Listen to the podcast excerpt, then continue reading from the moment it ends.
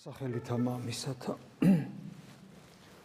და ძისათა და სული საწმინდისათა თუ შეამჩნევდით ყოველ დღეს სადაგ დღეებში ის сахарებები იკითხება რომელიც უფლის გამომხსნელ ვნებებს უკავშირდება იმ ტკივილებს ნებებს რომელიც ჩვენთვის დაითმინა და რა თქმა უნდა ამ ტკივილს და ამ ტანჯვას მას აყენებენ ადამიანები. ადამიანები რომლებიც მორწმუნენი არიან და რომლებიც ქრისტესადმი სიძულვილის გამო ერთობაში მოდიან წარმართებთან და ურწმუნოებთან. როგორც დღეს დავასრულეთ საკითხავი რომ პილატეს სამსჯავროზე წაიყვანეს უფალი. ეს ერთგვარი პარადოქსი, რომ მორწმუნე ადამიანები ურწმუნო ადამიანებთან შეიკრებიან. სხვადასხვა ტიპის ადამიანები, სხვადასხვა ტიპის ურწმუნოები, სხვადასხვა ტიპის მორწმუნოები, ანუ სხვადასხვა ტიპის რელიგიური ადამიანები, ფარისევლები, სადუკეულები, სხვადასხვა ტიპის მორწმუნეები, თქვათ იროდი, თქვათ პილატე და ასე შემდეგ. ანუ ის ადამიანები, რომლებსაც ერთმანეთი არ უყვართ, ერთმანეთის არ ესმის, არ ესმით, ერთმანეთისადმი უნდობლოთ არიან განწყობილი და სიძულვილითაც, სხვადასხვა სამხედროების არიან, მაგრამ ქრისტეს სიძულვილი, ქრისტესადმი სიძულვილი და ქრისტესადმი ქრისტეს მიუღებლობა მათ აერთიანებს. ხო, კიდევ ერთი გამომჩა ზნეობრივი და უზნეო ადამიანები. აი სხვადასხვანაირი დაყოფა, ხო? მათ შორის ნეობრივი და უზნეოების, რომლებიც თითქოს საერთო არ აქვთ ერთმანეთთან, ერთმანეთი არ უყვართ, სამშობლო პატრიოტები და სამშობლოს მოღალატეები და ასე შემდეგ, მაგრამ ქრისტეს სიზულვილმა ყველა ეს დიდარი და ღარიბი რომის მოქალაქე და არა რომის მოქალაქე, ყველა ეს ადამიანი გააერთიანა ქრისტეს ადმის სიზულვილმა. ფაქტობრივად სოციუმის ყველა ყველა სფერო მოიცვა, ყველა ნაწილი მოიცვა ქრისტეს სიძულვილმა და რა თქმა უნდა ბუნებრივია ჩვენ როდესაც ჩვენ თავს წარმოვიდგენთ იქ იმ დროს იმიტომ რომ იმიტომ რომ როგორც მოვიქცეოდით იქ ისე ვიქცევით ჩვენ. ახლა აქ ოღონ იქ იმ შემთხვევაში ჩვენი ქცევი შინაგანი მდგომარეობის ლუსტრაცია სრულად მოხდებოდა იმიტომ რომ ან დავდგებოდით ქრისტესთან ერთად რაც თითქმის არ მოხდა. უ რა ვიცი რამდენიმე ადამიანი იყო ჯვართან და მამაკაცებიდან მხოლოდ იოანე. მეორე ადგილი აღარ იყო ფაქტობრივად ესე გამოვიდა. ანუ არ იყო როგორ არავინ არ იყო. და ნუ ცოტა ძნელია ვთქვათ ჩვენ რომ აი კაცება ყოველ შემთხვევაში რომ აი იოანე იყო და კიდე მე ვიქნებოდი ხო უხერხული ასე თქვა ესე იგი ჩვენ უფრო მეტი შესაძლებლობა არის იმისა რომ ჩვენც უკეთეს შემთხვევაში გავქცეულიყავით. ან გვეყვირა ჯვარსაცო, ანუ მდუმარად ყოფილიყავით და ჩვენი პასიურობით თანამონაწილე გამختارიყავით და ან ან კიდევ უფრო უარესი, რაც უფრო მეტი შესაძლებელი იყო, გვეფიქრა, რომ ხო, ეს რაღაც გოგო ყველა ყველა ვინც კი რამეს წარმოადგენს ამ ქვეყანაზე, თუ ვინმე ავტორიტეტია, ყველა ამბობს, რომ ეს მოსაკლავია და ესე იგი მოსაკლავია. ეს ბევრ რამეს მიანიშნებს, თუნდაც იმას თუ როგორ ვექცევით გულგრილად ჩვენს სიცოცხლეს ბოძებულს ღვთისაგან, რომელიც ერთხელ გვებოძა და უკანასკნელად და მეტი აღარ მოგვეცემა ჩვენ ცოცხალი ღმერთის მიმდევარნი ვარ და ვიცით რომ აა ეს აღმოსავლური სარწმუნოების ეს მეზღაპრეობა გარდასახვისა იმიტომ არსებობს აღმოსავლურ რელიგიებში, რომ ცოცხალი ღმერთის იდეა იქ არ არის, თუ სადაც ცოცხალი ღმერთის იდეა აზრს კარგავს გარდასახვა, ლოგიკურად გაუგებარია უკვე, რა სიჭირდება ღმერთს, ბევრჯერ დაიბადო, ბევრჯერ ცადო, რომ მიხვდეს ვინ ახარ. ცოცხალ ღმერთს ეს არ ჭირდება. შენი ბევრი მცდელობები თუ ვინ ახარ. ამიტომ ის ერთ სიცოცხლეს გაძლევს, სადაც შენ შენ თავს აჩვენებ. არა შენი საქმებით იმდენად. აბა რა საქმეები აჩვენა ავაზაკმა, მთელი ცხოვრება ავაზაკობდა. არამედ შენი შინაგანი რაღაც მდგომარეობით განწყობით შენ შეგიძლია თუ არა იმ მდგომარეობამდე მისვლა რომ იცნო იცნო ღმერთი. ნუ რომელიც ადამიანად მოვიდა ესეა. ამიტომ ჩვენ ის ხალხი, რომელიც სოციალური ღმერთის აღსარებლები ვართ, ბუნებრივია, რომ ჩვენ უნდა გაუფრთხილდეთ ამ სიცოცხლეს, რომელიც ერთხელ და უკანასკნელად მოგვეცა და ამაზე ზურფას ჩვენ არაფერი არ აქვს. ჩვენი ყოფიერება ჩვენ სიცოცხლეს უკავშირდება და თუ ჩვენ რამე გვაინტერესებს, თუ ჩვენ რამე გვახარებს, თუ ჩვენ რამე გვაბედნიერებს, უკავშირდება ეს სიცოცხლე. სიცოცხლე არ არის, არც არაფერი არ არის. და ცოცხალი ღმერთის მორწმუნენი ი მორწმუნებს ისიც გვჯერა რომ ჩვენ მარადიესობას ვატარებთ, ესე იგი პასუხისგებელნი ვართ. პასუხისგებელნი ვართ ჩვენი ამ ამ ამ ქვეყნიური არსე ბობის დროს ჩადენილი საქმეების გამო და შინაგანი მდგომარეობის გამო, რასაც მოვიპოვებთ ამ სოფელში, რასაც დავემსგავსებით, ვისაც დავემსგავსებით, პასუხისგებელნი ვართ და შესაბამისად როგორი საშინელებაა რომ ჩვენ ამ ჩვენ ცხოვრებას ძალიან გულგრილად ვეკიდებით და ისე გაგვირბის ის რომ აი არ ვიცი და მე პირადად გეტყვით რომ ხანდახან ისე ისე ცხადად შემომაწობა ხოლმე ჩემი ცხოვრების უგუნურება რომ გამირბის წამები წამები აი წამები გარბის გარბის არ ჩერდება და უახლოვდები იმ ზღვარს რომლის რომლიდანაც უკან დაბრუნება აღარ ხდება და იმ ზღვარის გადაკვეთა გადაკვეთის დროს ჩემი მდგომარეობა არის განსაზღვრელი ჩემი მარადული ხვედრისა და აი ეს მდგომარე იმ ხასოდის გადაკვეთავ კიდე არ ვიცი. მოსასწრები ფაქტია რომ ბევრი რამე კი არა ყველაფერი მოსასწრები მაქვს და თქვა აი დინამიკა რა რა მიმართულებით მიდიხარ ესეც ესეც ესეც ხომ მნიშვნელოვანია და რადგან მოდუნებულია ადამიანი შესაბამისად შეიძლება ისე დროს გადაკვეთოს ეს წითელი ხაზი, როდესაც მას დინამიკა არ აქვს ღმერთისაკენ და უფლის სიტყვები ჩვენ არ უნდა დაგვავიწყდეს, რომელიც ამბობს რა მდგომარეობაშიც კი პოვი ისე გაანგშჩი.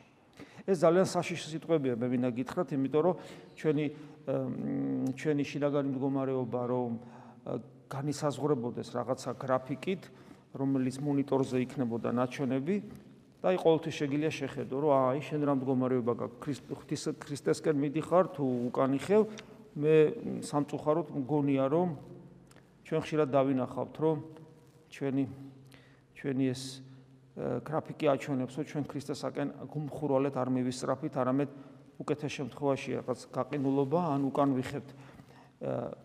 ეს მონიტორი ჩვენ არ გვაქვს, მაგრამ ჩვენ გვაქვს სათნოების აუცილებლობა, რომელსაც მღვიძარების და სიფხიზლის სათნოება ქვია, რომელიც აი ამ მონიტორის ფუნქციას ასრულებს ზუსტად. ყოველას მოგვინდებოდა ეს მონიტორი ქონოდა, ეხლა როცა საუბრობდი მე ძალიან მომიდა, რომ ჩაიხედები და აა უი, ქრისტესაგენ არ მივისწრაფი რაღაც. აბა მოდი, მოდი, მოუჩქარო და გონს მოვიდე, რა კარგი იქნებოდა, ხო? მაგრამ ეს კომფორტი არ მოგცა უფალმა, ესე არ გაგვიოლა, მაგრამ კიდევ მეორე მოგცა სიფხიზლისა და მღვიძარების სათნოება, რომელიც ამ მონიტორის ფუნქციას ასრულებს და გაგვაფრთხილა ეკლესიის პირით, ანუ წმინდა მამები, როგორც ეკლესიის საყვირი.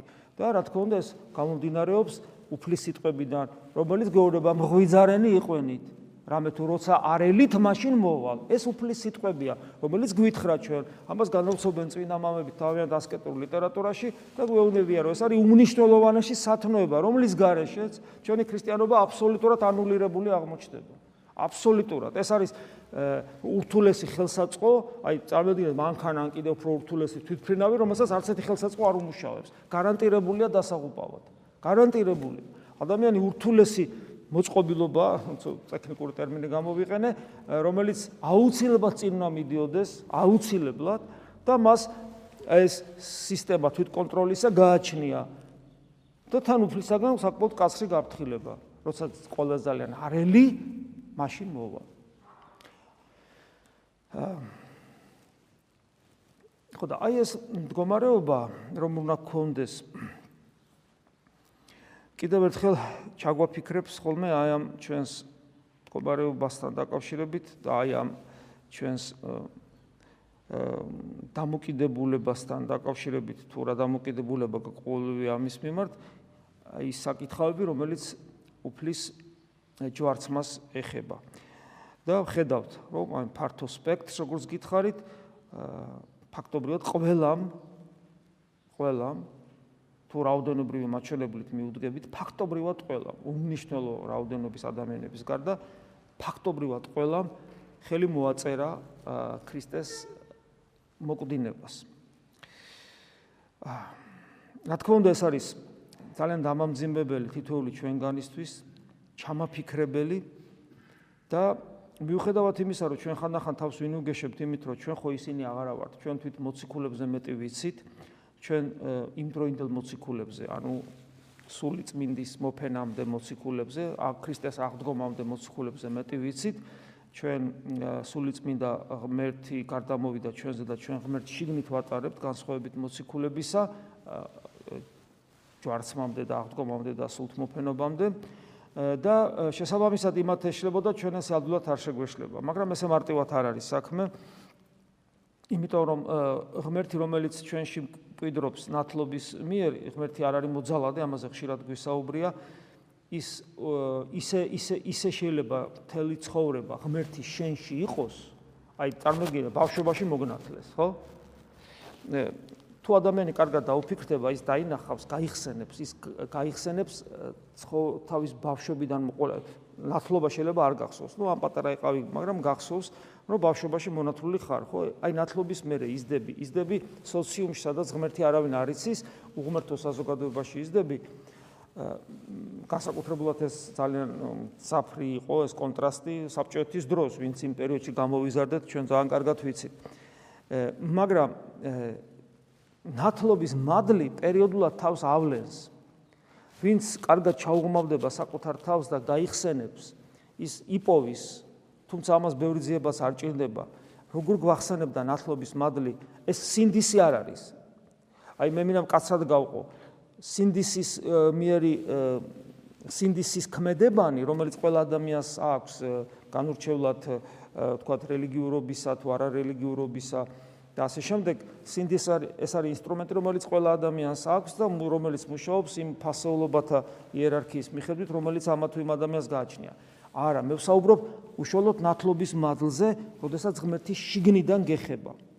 ეს არის ძალიან საინტერესო ფენომენი, რომელიც ყველა მონათულ ადამიანს აუცილებლად აუცილებლად უნდა კონდეს. თუ არ არ გონია რომ არ აქვს, ესე იგი მას არ ახსოვს. ეს ყოველთვის არის. ღმერთი, მაგრამ, მაგრამ ის იმდენად ხო და რატო არის მნიშვნელოვანი, რატო შეიძლება ადამიანს ადამიანს ყურადღება არ ახსოვდეს, იმიტომ რომ ის ძალიან ფაქიზად მოქმედებს. აი ძალიან ძალიან ფაქიზად. შეიძლება ამას ადამიანი პრინციპში ვერც კი უпроსოდ რაციონალურად ამაზე ვერ მსჯელობს, ვერ ფიქრობს, როცა ადამიანი ხდება მე მორწმუნე, მე შეიძლება ანალიზი გაუკეთოს, რომ აი ის, აი ა გახსოვს, აი ხო, ხო, ხო, იმიტომ რომ რატო? იმიტომ რომ მე როცა უკვე ადამიანი გაცნობიერებულად სულიერ ცხოვრებას იწყებს, მან იცის, პატარა გამოცდილება თითოეულ ჩვენგანს მაინც აქვს, რას ნიშნავს მადლის შეხება და მე ახსენდება. მახსენდება როგორ როგორ ზრუნავდა ღმერთი მადლის შეხებებით რომ როგორმე როგორმე ჩვენში ამოქმედებულიყო ეს მადლი და ჩვენ მორწმუნე გამختارიყავით და ჩვენ დაგვენახა ღმერთის სამყაროში. როგორმე მომختارიყო ეს. ხო და აი როცა ადამიანში ეს ესე ფაქიზად მოქმედებს კიდევ მეორე ეს ნიშნავს რომ არ ძალადობს და ფაქიზად აი როგორც ელია წინასწარმეტ ყოლს ღმერთი ეცხადება ელიასო ფაქიზის სული არ ქონოდა ვერ მხვდებოდა ღმერთი რომ მოვიდა მასთან იმიტომ რომ გურგვინვაში, ჭაქაქუხილში, დათას უბედურებაში, გარეგნულში აი ძალის გამოვლენებაში ღმერთი არ იყო, ღმერთმა უთხრა მე მოვალ შენთან, დაიწყო ეს ყველაფერი. ელია ვერაფერს ვერ გძულ წამოვიდოდა იქიდან. და ის რაც იყო და როგორც მივიდა მასთან ღმერთი წულილ ნიავში, ანუ სუსტ ჩქამში და სიოში იქ ვერ იგზნობდა, მაგრამ ელიამ რატო იგზნო? იმიტომ რომ ელია ფაქიზად მლოცველი ადამიანია. ელიას ლოცვა ხო ვიცით ის ფაქტობრივად ძველი აღთქმის ისიქასტია ხო ის ღმერთს ის რაც ჯერ კიდევ არ დამდგარა მაგრამ მეორე ხრივ ადამიანის ანუ ღმერთი რო შიგნით იყოს ჩვენში ის პერიოდი ჯერ არ დამდგარა მაშინ მაგრამ მეორე ხრივ შემეცნების ორგანო მაინც გულია ადამიანისა და როგორც ცდილობს რომ საკუთარ თავში ეძებოს ღმერთი და საკუთარ თავში ესაუბროს ეს ძალიან კარგად ჩანს როცა ის ლოცულობს. აღწერილია ძველ აღთქმაში. ხო და ელია ელია მიხვდა ელია მიხვდა. ხო და აი ჩვენ შეიძლება ჩვენ შეიძლება მთელი ცხოვრება ისე გავატაროთ ღმერთთან ერთად მონათლული ადამიანი ღმერთთან ერთად ცხოვრობს. ისე გავიზარდოთ. ისე ვიცხოვროთ. ჯოჯოხეთის მოციქულის ცხოვრებით შეიძლება ასე ითქვას? აი ჩვეულებრივი ჯოჯოხეთის აი დემონური ცხოვრებით. ან გულგრილი ცხოვრებით რომელიც თითქოს არ განსხვავდება დემონური ცხოვრებისაგან ხო ღვთისადმი გულგრილობის, ქრისტესადმი გულგრილობის, საკუთარი სიცოცხლისადმი გულგრილობის, საკუთარი არსებობისათვის გულგრილობის, საკუთარი თავის უსიყვარულობისად, მე რა აი ცხოვრობ, ცხოვრობ, როგორც ბიოლოგიური არსება და უნდა იცი რომ მოკვდები და შენგან ძოლებიც აღარ დარჩება ცოტა ხანში, მაგრამ მაინც გულარხეინა ცხოვრობ, უაზრო, უაზრო საქმებით ინტერესები მხოლოდ და ამ დროს მთელი ცხოვრება ღმერთთან ერთად გაგიტარებია. წარმოგიდგენიათ რომ რო გარდავიცლებით ასეთ დროს ღმერთმა დაგუფაროს უფალოს გაგვახსენებს. გახსოვს თეოდორე. აქ აქ აქ აქ. სულ შენთან რო ვიყავი? გახსოვს რომ გეძახდი გეძახდი გეძახდი. ერთხელ ერთხელ არ გამოგიხედია ჩემს ყველაფერი გაგვახსენდება აბსოლუტურად. აბსოლუტურად ყველაფერი. და აღმოჩნდება რომ მიზეზი იმისა რომ ჩვენ პასუხი ქრისტეს არ გავეცით, ის კი არ იყო რომ ვერ გავიგეთ. აღმოჩნდა რომ ჩვენ არ გვინდა. და იქაც მაგას გავაკეთებთ. უბრალოდ სიდიადის წინაშე დავდუმდდებით შიშის გამო. თორე თუ მოგვეცემოდა შესაძლებლობა, იქაც ესე მოვი გაგვანებე რა თავი არ გვინდი ხარ შეგვეშვი რა. აი ეს ეს ეს ეს არის უღმერთობა. აი ეს შემეშვი რა არ მინდა. და აი ეს შემეშვირა არ მიდიხარ და საერთოდ მოძულხარ კიდევაც. აი ამის ილუსტრაცია მოხდა როცა ქრისტე მოვიდა დაუცველი ადამიანად. ადამიანად როცა მოვიდა. იმიტომ რომ ეხლა წარმოიდგინეთ ღმერთი თავის ძალმოსილებით აი გახსოვთ ერთი ადგილია მოციქულები მიდიოდნენ რაღაცებს ეკითხე უფალი მათ რაღაცას ეკითხება ისინი პასუხობენ ვერ პასუხობენ და იქ ერთი საინტერესო კომენტარია מחარებლებისა რამე თუ მათ ეშინოდათ ქრისტეს რა დაუშავა ქრისტე მოციქულებს? მითხარით აბა სადმე გინახავთ რომ დაუშავა რამე. მაგრამ მათ ეშინოდათ. რატო ეშინოდათ? იმიტომ რომ ისინი შემსწრენი იყვნენ მასში არსებული ყოვლის შემძლეობისა. რაღაც სიდა ქარიშხალს გვასო დააცხრობს და იქ 4 დღის ყუდარშო გააცოცხლებს და იქ დაბადებიდან ბრმას და მაგგულში რა ხდება სურო იცის და ამას პერიოდულად რო ამჟღავნებს. აი ძალმოსილებას რო გზნობენ თან დაფარულად მაგრამ მაინც რო გზნობენ შიში აქვს მაგრამ სადაც ეს არ ჩანს და როცა ეს არ ჩანს და უფალი ამას მალავს, იმიტომ რომ უფალს არ უნდა რომ ესე დაინახო, უფალს ხანერად უნდა რომ დაინახო. წარმოგიდგენიათ დაუცველი ქრისტე, ანუ ღვთაებრივი სიმდაბლე, ღვთაებრივი კეთილშობილების სისავსე, ღვთაებრივი სიყვარული, ყოვლის მომცველი სიყვარული, ოღონ დაუცველი. ადამიანებს ზულთ ასეთი რამე. სიმდაბლე ყოვლის მომცველი სიკეთე და სიყვარული ადამიანებს ზულთ. როგორც კი დაუცველი დაინახეს ეს, ადგეს და ადგნენ და მოკლეს. ხოდა აი, როდესაც თელი ცხოვრება მე ვცხოვრობ ქრისტესთან ერთად, რომელიც ჩემს გულში დგას და რეკს, ეგება ვიღაცა მისმინოსო, ხო, ჩემზეც ხო ამბობს ამას, როგორც წერი აპოკალიფში. თელი ცხოვრება რო ქრისტესთან ერთად გავატარე და ერთხელ ყური არ ვათხოვე. განა იმას არ ნიშნავს, რომ მე მძულს იგი, მძულს არ შემილია მისი ატანა. კარგი რა თავი დამანებე რა, ვიცხოვრო როგორც მინდა რა. ეს დისკომფორტს ნუ მიქმნი, ხა შენ დაგემსგავსო არა, მეტი არ მინდა რა. როგორია, ხა შენ ღმერთი ხარ კაცო და მე თავი დამანებე. მე თავი დამანებე, მე მინდა აი ვიცხოვრო როგორც მე სიამოვნება. რამეს ვაშავებ კაცო? ჩემთვის ვარ რა. რა რა მტვირთავ ესე ღმერთი უნდა იყოს ღმერთი არ მინდა კაცო ეს ღმერთობა თავი გამანებე. აი ეს მდგომარეობა გესმით ღმერთი უნდა იყოს მე მინდა უძღების უფროსი შვილი ერთი თიკანი მომეცე და შემეშვი თავი დამანებე რას გინდა ეს გიქნია მე გავანებე თავი. აი ეს პოზიცია აქვს ადამიანს. თიკანი მინდა თიკანი მინდა თიკანი მინდა. არ მინდა შენი ყველაფერი მე რომ მქონეს არ მჭirdება არ შენ არ მჭirdები არც ეს არ მჭirdება მე გამოვიგინებ ჩემ რელიგიას და გამოგონებულია უამრავი რელიგიები, სადაც გარდაცვალების მერე ტაშპანდურა ცხოვრება გექნება, ჩაოლებრივი. როგორც შენ გინდა, როგორც შენ ღმერთობა არ მინდა არ გამაგონო. რა დამტვირთი ამ შენი აღა ღმერთ ღმერთი უნდა იყოს, მე რა არ მინდა. და უბედურება ის არის, რომ ადამიანი აი ესე ქრისტესთან ერთად ცხოვრობს და ქრისტეს ყოველ წამს უარსეუბნება და კიდევ უფრო მძიმდება მდგომარეობა, როცა ეს იგივე ადამიანი ეკლესიაში რელიგიურ გზნობებს იკმაყოფილებს, ქრისტეს სახელს ახსენებს. ისე მაინდა-მაინც თავს არ იკლავენ და არ ახსენებენ, მე მინდა გითხრათ ქრისტეს სახელს. და თუ ახსენებენ და ასე ცხოვრობენ კიდევ უარესი. ასე გრძელდება მთელი ცხოვრება. ცინიზმი ეს ქრისტეს სახელით ქრისტეს უარყოფა. აი ეს იუდას დაემართა. გახსოვთ ჩვენ რო ვეზიარებით წამს ვამბობთ ხო? წამს უფალო დააღვიარებ რამე თუ შენ ხარ ჭეშმარიტად ქრისტეზე ღვთისაცხოვად ასე შემდეგ. რომელთაც რომელიც თქვენს გესმით და თქვენს ახლა ეზიარებით ხო? და იქ რას ვამბობთ რომ იუდას არ ვემსგავსო, არა ამბორს გიყოვით არცა იუდა. იუდა რომელიც ეზიარება, რომელიც ქრისტესთან არის, რომელიც ქრისტეს მოწაფეა, რომელიც სასწაულებს ახდენს, ძალმოსილებას ხედავს, გზნობს, არ უნდა ქრისტე. არ უნდა ქრისტე. ხო და აი როცა ამ სიტყვებს ვამბობ ზიარების წინ ეს რას ნიშნავს? ეს ნიშნავს იმას, რომ მე კი ვარ ნომინალურად ეკლესიის წევრი და მაზიარებელი, ანუ ქრისტე კი არა მარტო შიგნით მყავს როგორც ღმერთი, არამედ მას როგორც საიდუმლოებაში მივიახლები და ეს როგორც ადამიანიც შემოდის ჩემში, განხთობილი ადამიანი, როცა მე ვეზიარები. მაგრამ მე შეიძლება მაინც იუდა ვიყო, არ მინდოდეს, ამას ვაკეთებ. აი როგორც იუდა, რატო კითხვა აი დავსვათ, რატომ იყო იუდა ქრისტესთან? სამ წელიწად ნახევარი, რასაკეთებ? რაღაც გეგმები ქონა თავისი ადამიანის. დიახ, რა ჩვენ გეგმები არა გვაქვს? ჩვენ არაფერი არ აქვს. ჩვენ არაფერი არ გვინა ღმერთისგან, მე ღმერთისგან არაფერი არ მინდა, იმდენი რამე მინდა იცოცხლე. და ვარაკა, მინდა იმდენი რამე მჭირდება მე ღმერთისაგან. ხო და ვარ. მურჩა, ეს არაფერს არ ნიშნავს. აი იუდას ქვეყნის რამე გეგმები ქონდა. შეიძლება გლობალური გეგმები ქონდა, შეიძლება კეთილი გეგმები ქონდა, ზოგი მასაც ამბობს რაღაც ეროვნული ინტერესები ქონდა, პატრიოტული.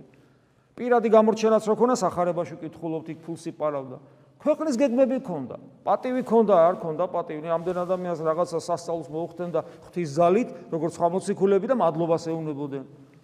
რა, რატომაც არა? რატომაც არა? რატომაც არა? ქრისტეს აყოფნა კომფორტია, ამგვარი, ამგვარი ყოფნა. როცა შენ შენგან არაფერი, მისგან ყველაფერი. და აი მე როცა ვეზიარები და ზიარების წინ უფალს ვევედრები იუდასავით, არ მოვი, არ მინდა იუდასავით ვიყო შენთან. ეს ხო იმას ნიშნავს, რომ მე შეიძლება ვიყო იუდასავით. იმიტომ ვევედრები უფალს არ მინდა იუდასავით ვიყო, რომ შეიძლება ვიყო იუდასავით. აი თუ იუდასავით ვიქნები ზიარების დროს, ესე იგი ეს ნიშნავს იმას, რომ მე აქ ვარ, ყველაფრით აქ ვარ, მაგრამ გარეგნულად აქ ვარ, მხოლოდ და შინაგანად ვარ აი ეს ჯვარმცმელი უფლისა, რომლის შესახებაც ჩვენ ეს დღეები ყოველდღე ვკითხულობთ და დღესაც წავიკითხეთ. დღესაც წავიკითხეთ. ის რომ ეს ასია ზუსტად როგორც მე გესაუბრებოდით კარგად ჩანს აი ეპისტოლეში კათოლიკ ეპისტოლეში იუდა მოციქულის მიერ დაწერილში ეს არის პირველი თავი აი ნახეთ რას ამბობს იუდა მოციქული როგორ ამბობს იუდა მოციქული ასე იწყებს თავის ეპისტოლებს ეპისტოლე იაკობის ძმა და იესო ქრისტეს მონა იაკობის და იუდაც თანაშეზდილი ძმები არიან უფლის. ისინი ერთად იზრდებოდნენ. ოღონ უფალი პატარა იყო. ისინი უფროსები იყვნენ, უფალი რო მოევლინა ამ ქვეყანაზე ყოლაწმინდა მარიამისაგან. ერთ ოჯახში იზრდებოდნენ, ერთად თამაშობდნენ. მათ არ წამდათ ქრისტესი. იმიტომ რომ ქრისტე არ ამჟღავნებდა თავს. არ ამჟღავნებდა თავს როგორც ღმერთი. და მათ არ წამდათ ეს ახარებაშივე წერია, მათ არ ჯეროდათ მისი. ანუ მის თანაშეზილ ძმებს იოსების შვილებს არ ჯეროდათ უფლის. და მე მე მე აი მე ჯერათ და მე მოციქულები ხდებიან და იაკობი კიდე პირველი ეპისკოპოსი ხდება იერუსალიმის და იუდა ასე წერს იაკობის ძმა და იესო ქრისტეს მონა ესე იწყებს თავის ეპისტოლას. ხო ეს რაღაც ისეთია ოჯახ ოჯახური ურთიერთობა აქვს და აი მის ღვთაებრიობას ესე აღიარებს. ой იაკობის ძმა იესო ქრისტეს მონ. ხო და ესე წერს იმაძე ვინც ვინც ეკლესიის წიაღში არიან ვინც ქრისტიანები არიან მაგრამ მაგრამ ისინი არიან თქვენი სიყვარულის სერობათა შემბილწველნი. სიყვარულის სერობა ეს აღაპი, ეს არის ის, სადაც მორწმუნეები ეზიარებოდნენ. ანუ მაზიარებელ ადამიანებზე წერს. სიყვარულის სერობათა შემბილწველნი. ანუ მაზიარებელი ადამიანი, რომელიც ბილწავენ ამ საიდუმლო სერობას. ამაზე საუბრობს იუდა. ანუ რაზეც ჩვენ საუბრობთ, აი ადამიანი, რომელიც აქ არის, აღსარებელი, მაზიარებელი, მაგრამ არის იუდა. არის ქრისტეს მოღალატე. ქრისტესთან ერთად ცხოვრობს, მაგრამ ყურს არ უგდებს. მასთან კავშირი არ სურს. რელიგიურ გზნობებს იკმაყოფილებს, უკეთეს შემთხვევაში არის უფროსი შვილი, რომელსაც თიკნის გარდა არაფერი არ უნდა. ისინი არიან თქვენი სიყვარულის სერობათა შემბილწველნი. დაურიდებლად რომ იხენენ თქვენთან ერთად. ხარობთ ერთად. და თავიანთ თავს მასპინძლობენ. რა საოცარია. ღვთის მოწოდებით კი არ არიან. თავიანთ თავს მასპინძლობენ. ეს ძალიან საინტერესო სიტყვაა, ძმებოდადებო. ძალიან აი გახსოვთ ქუფლის სიტყვები მრავალია მოწოდებული და მცირედი არ ჩეული. თავიანთ თავს მასპინძლობს ადამიანი. მას არ აქვს უფლება ზიარების და ეზიარება. რატომ არ აქვს უფლება ზიარების? ცოდვილი როა, იმიტომ კი არა. ქრისტე რომ არ უნდა იმიტომ. ის ეკლესიაში არ მოსულა ქრისტესთვის. გახსოვთ მოციქულები იოანე და ანდრია პირველი პირველი მოქცევა ქრისტესი რომ იოანე იოანე ნათლისმცემელი რომლის სცენებაც არის დღეს რო ეთქვისო აიო ესო ტარიგიო გაყევითო და ყოველას ეუნება და ეს ორი გაყვება. ზოგი არ გაყვება ზოგს შურს რომ მისდიავენ რომ უფალი მოუბრუნდება რასეძებთო და რასეუნებიან გვინდა გავიგოთ სადახარ მოდი და იხილეთ. გესმის აი სად არის ქრისტე? აი ესე იწყ სადახარ უფალო შენ სათხარ მოდი და იხილეთ ჩვენ ქრისტეს გამო უნდა მოვსულიყავით აქ. ქრისტეს გამო უნდა ვიყო და და გვაინტერესებდეს სად არის უფალ უფლის გარდა არაფერი არ უნდა გვაინტერესებდეს. როდესაც ჩვენ ანგარებით ვართ სხვა მიზნებისათვის ჩვენი ზიარება არ შეიძლება. როგორ გავიგოთ ეს? მე ვერ გავიგებ. საერთოდ ყველაზე დიდი პრობლემა, ერთ-ერთი დიდი პრობლემა ზოგადად ადამიანისა და ამ შემთხვევაში სამრევლოში ამ სამრელოში კი არა, საერთოდ. და საერთოდ ყველა ქრისტიანისა არის ის, რომ მან არის ის რა უნდა. მე მგონი ეს თითოეულ ჩვენგანს გამოუცდია ცხოვრებაში, ოდესას თავისუფალი დრო გვაქვს ბევრი. э, თქვათ, აი, სამსახურიდან დასვენება რაღაცა ისეთ ბევრი დრო თავისუფალი დრო გვაქვს და მოვიწყენთ ხოლმე. რატომ მოიწყენს ხოლმე ადამიანი? იმიტომ რომ მან არის ის სინამდვილეში რა უნდა. ჩვენ არ ვიცი. სინამდვილეში ადამიანებს გონიათ რომ მათ რაღაცები უნდა და რომ კარგად დაფიქრდე, ხო? ადამიანმა სინამდვილეში არის ის რა უნდა. უბრალოდ როცა შია, როცა წყურია, როცა სამსახური არ აქვს, როცა ოჯახი არ აქვს, რაღაც პრობლემები აქვს, როცა ავათარი, ანუ ვიღაც ავათაყავს, მან ეს პრობლემა იცი, ცხვირწინ არსებული პრობლემა და ის აწუხებს დისკომფორტი აქვს და მის მოგვარება სულს, მაგრამ უცებ ადამიანს ყველაფერი რომ მოუგვარო და თავისუფალი დრო მისცე. თქვენ გონიათ იცით ადამიანს რა უნდა? ადამიანმა არ იცის რა უნდა. აბა რატომ მოიწყენენ ხოლმე ადამიანები? ადამიანები მოწყენილები არიან ძირითადად. ადამიანმა არის ის რა უნდა. ხოდა შესაბამისად ეს ეს სულიერ ცხოვრებაში ძალიან ძალიან ძლიერად თვლინდება. ჩვენ არ ვიცით რა გვინდა. და ამ არწოდნით მოვდივართ აქ. ჩვენ გონია ვიცი და რა რა გვინდა არ ვიცი. ხოდა შესაბამისად ეს ეს განწყობა, ეს განწყობა სულიერ ცხოვრებაში გადმოდის და ვერ ხვდებით და ისევ ცხოვრობთ, არ ვიცით რა გვინდა, რელიგიურ ცხოვრებას ვიწყებთ, არ ვიცით რა გვინდა, ვეზიარებით, არ ვიცით რა გვინდა. და კასმურად თქვას, თუ არ ვიცი რა მინდა, რა უნდა მომცეს მე ღმერთ? რა უნდა მომცეს მე ღმერთ? უფალო იესო ქრისტე შემიწყალე მე. ხანდახან ეს ლოცვა ქმედითი, იმიტომაც არ არის. როცა მე ვამბობ შემიწყალეს, მე თვითონ არ ვიცი რა მინდა. რა რისგან უნდა შემიწყალოს, რატო უნდა შემიწყალოს, რა პრობლემა მაქვს, რა მინდა საერთოდ? რას ვითხოვ ღმერთისაგან? უფალო იესო ქრისტე ვამბობდა, შემიწყალე ხო, ჩემი თხოვნის განზოგადება, აი, რასაც მე ვითხოვ, ყველაფერი ამ სიტყვა შემიწყალე მე. რა მინდა მე? და რა გინდათ? შეხ ვიცით ყოველთვის რა გვინდა? კიდევ მეორე ჩვენ რო ვიცოდეთ ყოველთვის რა გვინდა, არასოდეს არ მოვიწყენთ. იმიტომ რომ ჩვენ მოსაწყენი დრო არ აგვაქვს. ჩვენ 100 წელი კი არა. 100 100 წელს ვიცხოვრობს, მაგრამ ნუ ის 1000 წელი რო ვიცოს, რო ვიცხოვროთ, მაინც არ გვეყოფა დრო. იმის მოსაპოვნებლად წესით რაც უნდა გვინდოდეს. ჩვენ არ ვიცით რა გვინდა. ეს არის სერიოზული პრობლემა. ხო და აი ადამიანი ამ რო არის ის რა უნდა მოდის აქ ხდება მაზიარებელი ასეთი ადამიანის ზიარება არ შეიძლება. რა ვქნათ, აღარ ვეზიაროთ, რაღაცა იკითხავს. როგორ არ უნდა ვეზიაროთ? მაგრამ ანუ ის რომ არ ვიცი რა მინდა და ჩემი ზიარება არ შეიძლება, გამოსავალი ის კი არა რომ არ ვეზიარო, მე უნდა გავიგო რა მინდა და რისთვის ავარ მოსული. ანუ სიღრმე მივცე ჩემს ცხოვრებას ზოგადად როგორც ასეთი და ჩემს სიცოცხლეს, ჩემს ეკლესიურობას, ჩემს რელიგიურობას სიღრმე მივანიჭო. სერიოზულად მოვეკიდო საკუთარს, მოვეგო თავსათვისა, როგორც უძღებიშვილი მოვეგო თავსათვის. შესაბამისად, როდესაც მე მივხვდები რა მინდა და აღმოვაჩენ რომ და მე როგორ მინდა და როგორ მჭირდება, სასიცოცხლოდ ამიტომაც ჩემი ევქარისტიული ცხოვრება ამის ყოველდღიური უნდა იყოს. ნუ გასაგებია, ეს ერში ძნელია ეს, მაგრამ დამოკიდებულება ესეთი უნდა მქონდეს. და ეს იქიდან მომდინარეობს, რომ მე ვიცი რა მინდა. და უნდა ვიცოდე აუცილებლად და თათო არ ვიცი და ისე ვარ ეკლესიაში და ისე ვარ მაზიარებელი, აი მაშინ ვარ აი ეს, რაც მე წეგან წაგიკითხეთ. სიყვარულის სერობათ, ანუ აღაპირასაც ქვია, სიყვარულის სერობათა შემბილწველნი დაურიდებლად რომ ილხენენ თქვენთან ერთად და თავიანთ თავს მასპინძლობენ. იმიტომ რომ მე მივეცი ჩემ თავს უფლება. თიკანი მომეცი, თიკანი, თიკანი მომეცი. აი ეს თიკანი მომეცი და არა უძღები შვილის მდგომარეობა, რომელიც სინანულით მოbrunდა, როცა мама მორბის გულში იკრავს და დაპატიჟა, мама мама მომასპინძლა. სამოსელი პირველი ხამლნი ბეჭედი დაუკარძვარაკი ჭამებული, მას თავისთავი არ დაუპატიჟებია. მამამ დაპატიჟა. აი ეს მდგომარეობა უნდა კონდეს და არა ის რომ აბა, აბა მომეცით, აბა მომეცით. ეს ძალიან მნიშვნელოვანია, რომ რო გვახსოვდეს. და აი აა იუდა მოციქული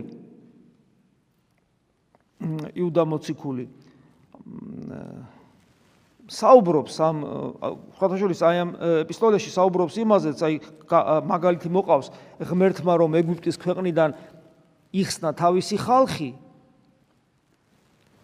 იხსნა. მაგრამ ერე შემუსრა.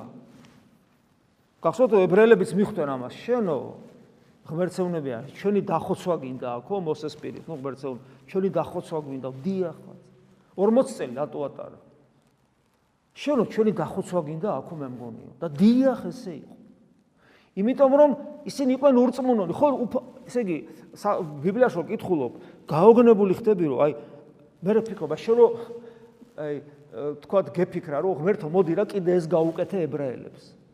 კიდე რაღა უნდა გაეკეთებინა მაშინ დელი ურწმუნოებისათვის რომელიც გამოიყვანა ეგვიპტიდან კიდე რა უნდა გაეკეთებინა? ღმერთს ისინი მიმხვდარი იყვნენ რომ ღმერთი შვილები არიან. რაღა უნდა ექნა კიდე მეტი.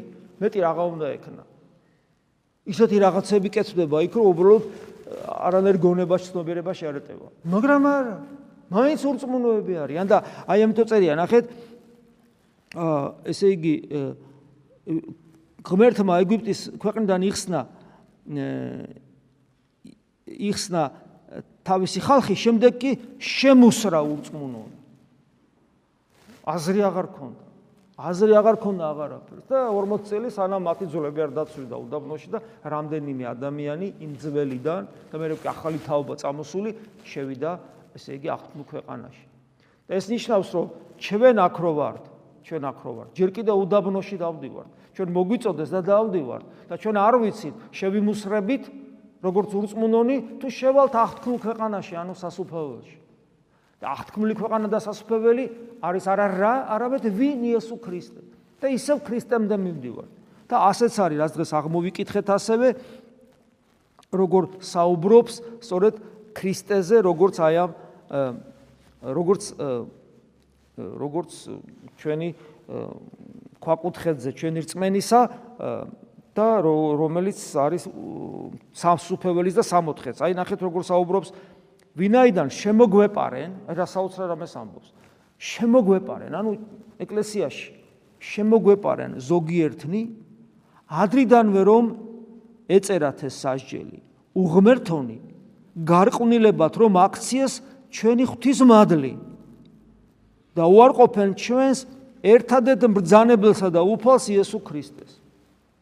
ანუ ეკლესიაში შეიძლება არსებობდეს ადამიანთა კატეგორია, რომლებიც არიან სინამდვილეში შემოპარულები, რომლებიც არიან იმ ადამიანთა კატეგორია, რომლებიც წარმოადგენენ იმ ადამიანთა კატეგორიას, რომლებიც უნდა უდაბნოში მოკვდნენ და აღთქმულ ქვეყანაში არ უნდა შევიდნენ.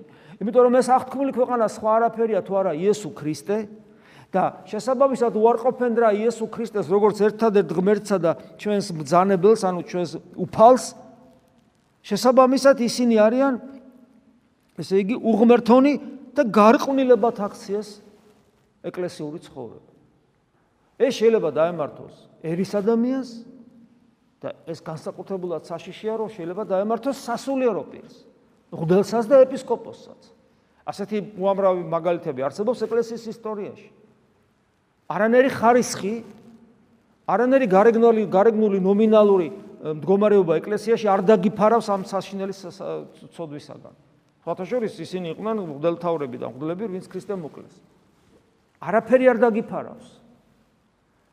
და პრევენცია, ცუდი სიტყვა, მაგრამ ამ შემთხვევაში ესე გამოვიყენებ, პრევენციული ზომა იმისა, რომ ეს არ დაგემართოს, არის ერთადერთი. სწორება მხოლოდ და მხოლოდ იესო ქრისტეს.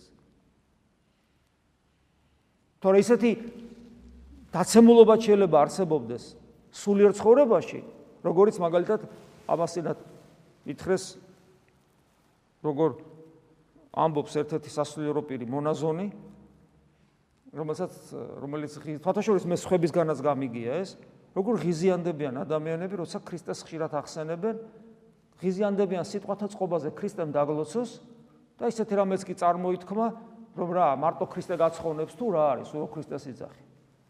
ასეთი ადამიანის არათუ მონაზნობა და არათუ სასულიერო პირობა უბრალოდ ზიარება კი არა. მონათლას კი არ შეიძლება მოსანათლი რო იყოს. აი ამ დონეზე შეიძლება დეგრადირდეს ეკლესიის წევრი თვით იერარქიაში მყოფი ან ხარისხში მყოფი რომ აი ამგვარი მკრახელობები წარმოსთქვას ქრისტეზე. და თუ არ წარმოსთქვა ებძოლოს ევქარისტიულ ცხოვრებას ებძოლოს ხშირ ზიარებას ებძოლოს იესოს ლოცვას და ასე შემდეგ